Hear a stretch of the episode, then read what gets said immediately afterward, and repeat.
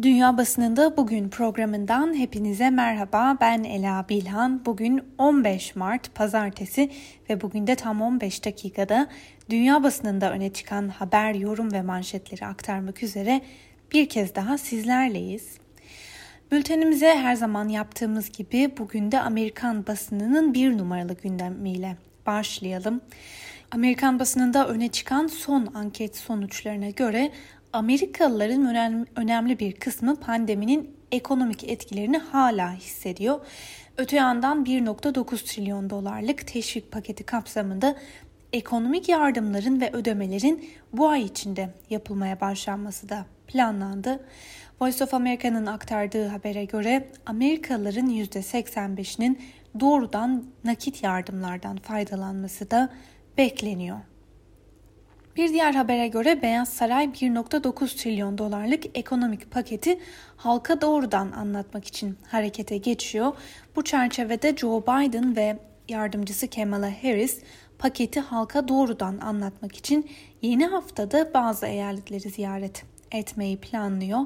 Demokratlar 2009 yılında Obama'nın imzaladığı paketin yararlarının halka yeterince anlatılamadığını ve ertesi yıl yapılan ara seçimlerde Temsililer Meclisi'nde çoğunluğun Cumhuriyetçilere geçtiğini hatırlatıyor.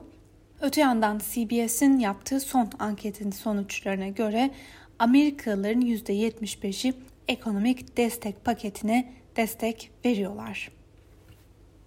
New York Times gazetesinin gündemindeki haber göçmen krizine dair son dönemde salgının da etkisiyle Meksika sınırından ABD'ye geçmeye çalışanların sayısında trajik bir artış yaşandı ve bir diğer habere göre de yaşanan çaresizlik karşısında Beyaz Saray'da harekete geçti.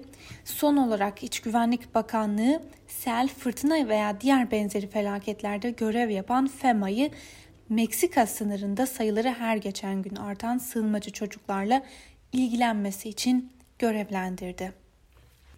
New York Times'ın yorumuna göre son süreçte gündeme gelen göçmen dalgası Biden'ın göçmenler konusunda verdiği insancıl yaklaşım vaadini de sınamış olacak. Bu arada ABD'de aşılama süreci tam gaz devam ederken yapılan yeni araştırmalar Trump destekçilerinin çok büyük bir kısmının aşı olmaya yanaşmadığını ortaya koydu. Ülkenin baş bilim danışmanlarından Anthony Fauci ise Trump'ın destekçilerini bu konuda teşvik etmesi gerektiğini dile getirdi. Bu arada Trump'ın eşiyle birlikte Beyaz Saray'dan ayrılmadan önce gizlice aşı yaptırdıklarını da hatırlatalım ve sıradaki haberimize geçelim. Washington Post gazetesinden Karen DeYoung ve Karim Fahim bugün ABD-İran arasında süren anlaşmazlığı ele almışlar. ABD ve İran nükleer anlaşmanın yeniden etkinleştirilmesi konusunda net olmamakla birlikte ihtiyatlı bir biçimde birbirlerinin etrafında dönüyorlar. Ancak her iki tarafta ne istediğini söylememeyi tercih ediyor. Washington Post gazetesi hafta sonunda ABD yönetiminden kaynaklara dayanarak verdiği haberde Pentagon'un ABD askerlerinin Afganistan'dan vaktinden önce çekilmesinin riskli olduğunu düşündüğünü yazdı. Ve Amerikan basınından son iki haberimiz cinsel taciz iddialarıyla azli ve istifası istenen 63 yaşındaki New York valisi Andrew Cuomo konusunda tartışmalar sürüyor. Aralarında Demokrat Parti'nin önde gelen isimlerinin de bulunduğu bir kesim valinin istifasını isterken bir kısmı da istifa etmemesi ve iddialarla ilişkili soruşturmanın neticesinin beklenmesi görüşünü dile getiriyorlar yakında kendisi hakkında bir azil soruşturmasının da başlaması bekleniyor. Ve Türkiye'yi de ilgilendiren bir haberin detaylarına kısaca göz atalım. Associated Press haber ajansının bir haberinde Biden'ın başkanlığının ikinci ayını doldurmak üzere olduğu ve hala Erdoğan'ı aramadığı vurgulanmış. Hatta eski başkan Donald Trump'ın 2016 yılında seçilmesinin ardından kısa bir süre içinde görüşmenin gerçekleştiği hatırlatılmış. Haberde Türk yetkililerin kamuoyuna yönelik açıklamalarında Beyaz Saray'dan telefon gelmemesini önemsizmiş gibi göstermeye çalıştığı da aktarılmış. Ancak uzmanlar Halkbank davasından sonra ilişkilerde yeni bir sayfa açılması için başka bir dönemin beklenmesi gerektiğini de tahmin ediyorlar. Bültenimize İngiliz basınıyla devam edelim. Geçtiğimiz hafta birkaç gün üst üste durduğumuz önemli bir mesele, önemli bir haber vardı.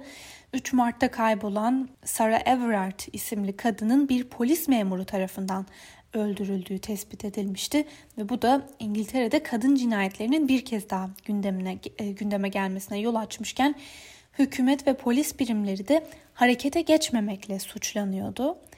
Londra'daki kadın cinayeti zanlının bir erkek polis olmasının da etkisiyle bir kadın hareketine dönüştü diye yazmış BBC. Hafta sonu binlerce kadın Londra'da bir araya geldi. Ancak Londra polisinin eylemde takındığı tutum hem iktidar hem de muhalefetin tepkisini çekti. BBC'nin yorumuna göre İngiltere'de Sarah Everard'ın öldürülmesi kadına karşı şiddetle ilgili iç hesaplaşma başlattı. Guardian'ın belirttiği habere göre kendisi de kadın olan Londra Emniyet Müdürü'ne istifa çağrıları da sürüyor. Ancak emniyet müdürü bu istifa çağrılarını reddediyor. The Guardian gazetesinden Şammi Chakrabarti'nin yorumuna da göz atalım. Sarah Everard cinayetinde ortaya çıkan skandalın ve polisin göstericilere nasıl davrandığına şahit olunmasının ardından hala İngiliz polisine ekstra güç verilmesi gerektiğini savunan var mı diye sormuş bugünkü köşe yazısında. Son yaşananlar ihtiyaç duyulan şeyin daha fazla polis gücü olmadığını her zamankinden daha açık hale getirdi. Polis teşkilatı ve protesto tarihimizde pek çok karanlık gün yaşandı. Uyanmayı ve bazı ışıkları yakmayı öldürülen Sarah Everard'a borçluyuz.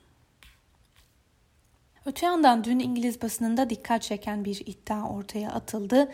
The Sunday Times gazetesinin haberine göre Suriye'nin First Lady'si Esma Esad 10 yıl boyunca Suriye'deki terör eylemlerini kışkırttığı ve teşvik ettiği iddialarına yönelik bir ön soruşturma başlatılmasının ardından İngiliz vatandaşlığını kaybetme tehlikesiyle karşı karşıya.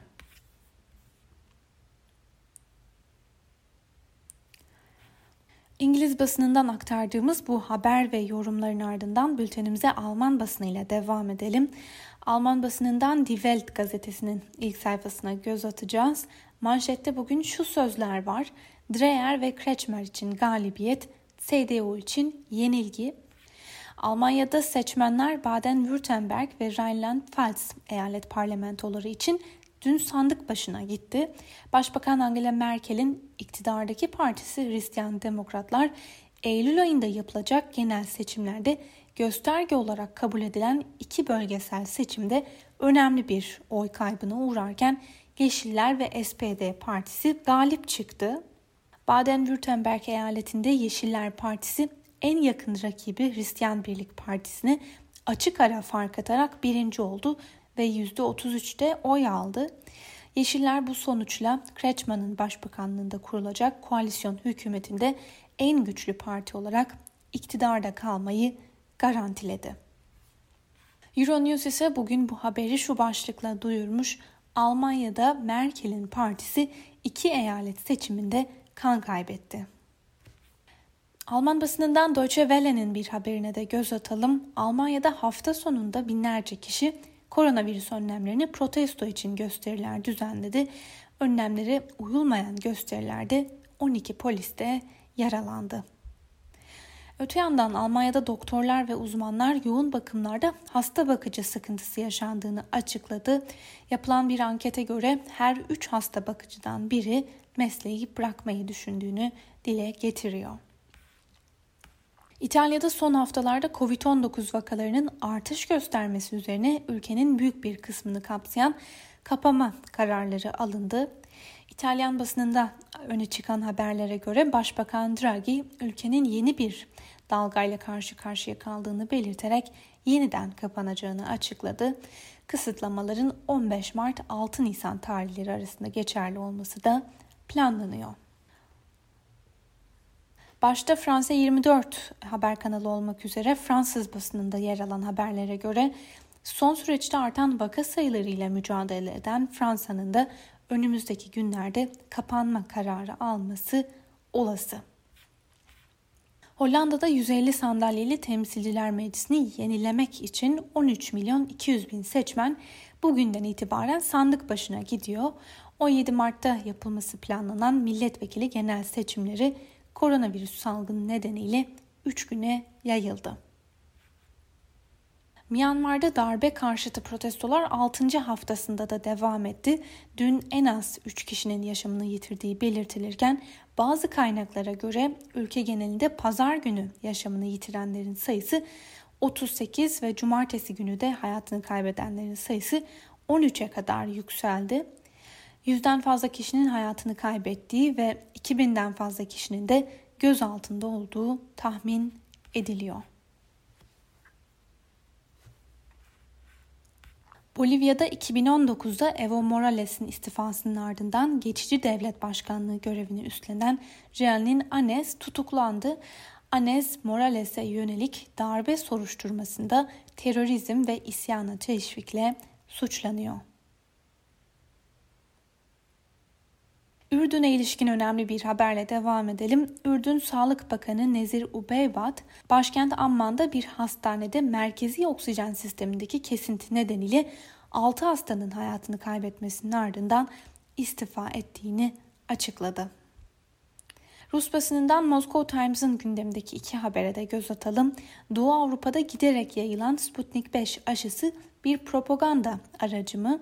Sputnik 5 aşısı o kadar yaygınlaştı ki Avrupa Birliği Başkanı Charles Michel bir açıklama yapmak zorunda kalarak aşıların ülkeler tarafından propaganda amacıyla kullanılmaması gerektiğini vurguladı. Öte yandan hafta sonunda Rusya'da polis başkent Moskova'da bağımsız ve muhalif siyasetçilerin bir araya geldiği forumu basarak 150'den fazla kişiyi gözaltına aldı. Moscow Times ise bu haberi şu sözlerle duyurmuş onlarca muhalif siyasetçi ve eylemci gözaltında. Al Arabya'nın bir haberiyle devam edelim. Suudi Arabistan'da yolsuzluk davaları kapsamında aralarında 5 bakanlık görevlisinin de bulunduğu 241 kişi gözaltına alındı. Ve bültenimizi son olarak Türkiye'yi de yakından ilgilendiren bir haberle noktalayalım. Mısır basınından El Ahram'ın gündemindeki habere göre Mısır Dışişleri Bakanı Sameh Şukri iki ülke arasındaki ilişkilerin normalleşmesi için gerekli şartlar konusunda bir açıklama yaptı. Buna göre Türkiye'nin Mısır'ın ilkeleri ve amaçlarıyla uyum göstermesi gerektiğini söyledi. Bu arada Mısır basınından Akbar El Yum gazetesinin haberine göre Mısır parlamentosunun alt kanadı Temsilciler Meclisi'nde konuşan Dışişleri Bakanı Türkiye'nin siyasetinde yöntemlerinde ve amaçlarında Mısır'ın siyasetiyle tutarlı olacak ve bölgenin çıkarları doğrultusunda normal ilişkilere yol açacak değişiklikler görürsek o zaman bu durumu normale döndürmenin temeli olabilir ifadesini kullandı. Sevgili Özgürüz Radyo dinleyicileri, Mısır basınından aktardığımız bu son haberle birlikte bugünkü programımızın da sonuna geldik. Yarın aynı saatte tekrar görüşmek dileğiyle Özgürüz Radyo'dan ayrılmayın. Şimdilik hoşçakalın.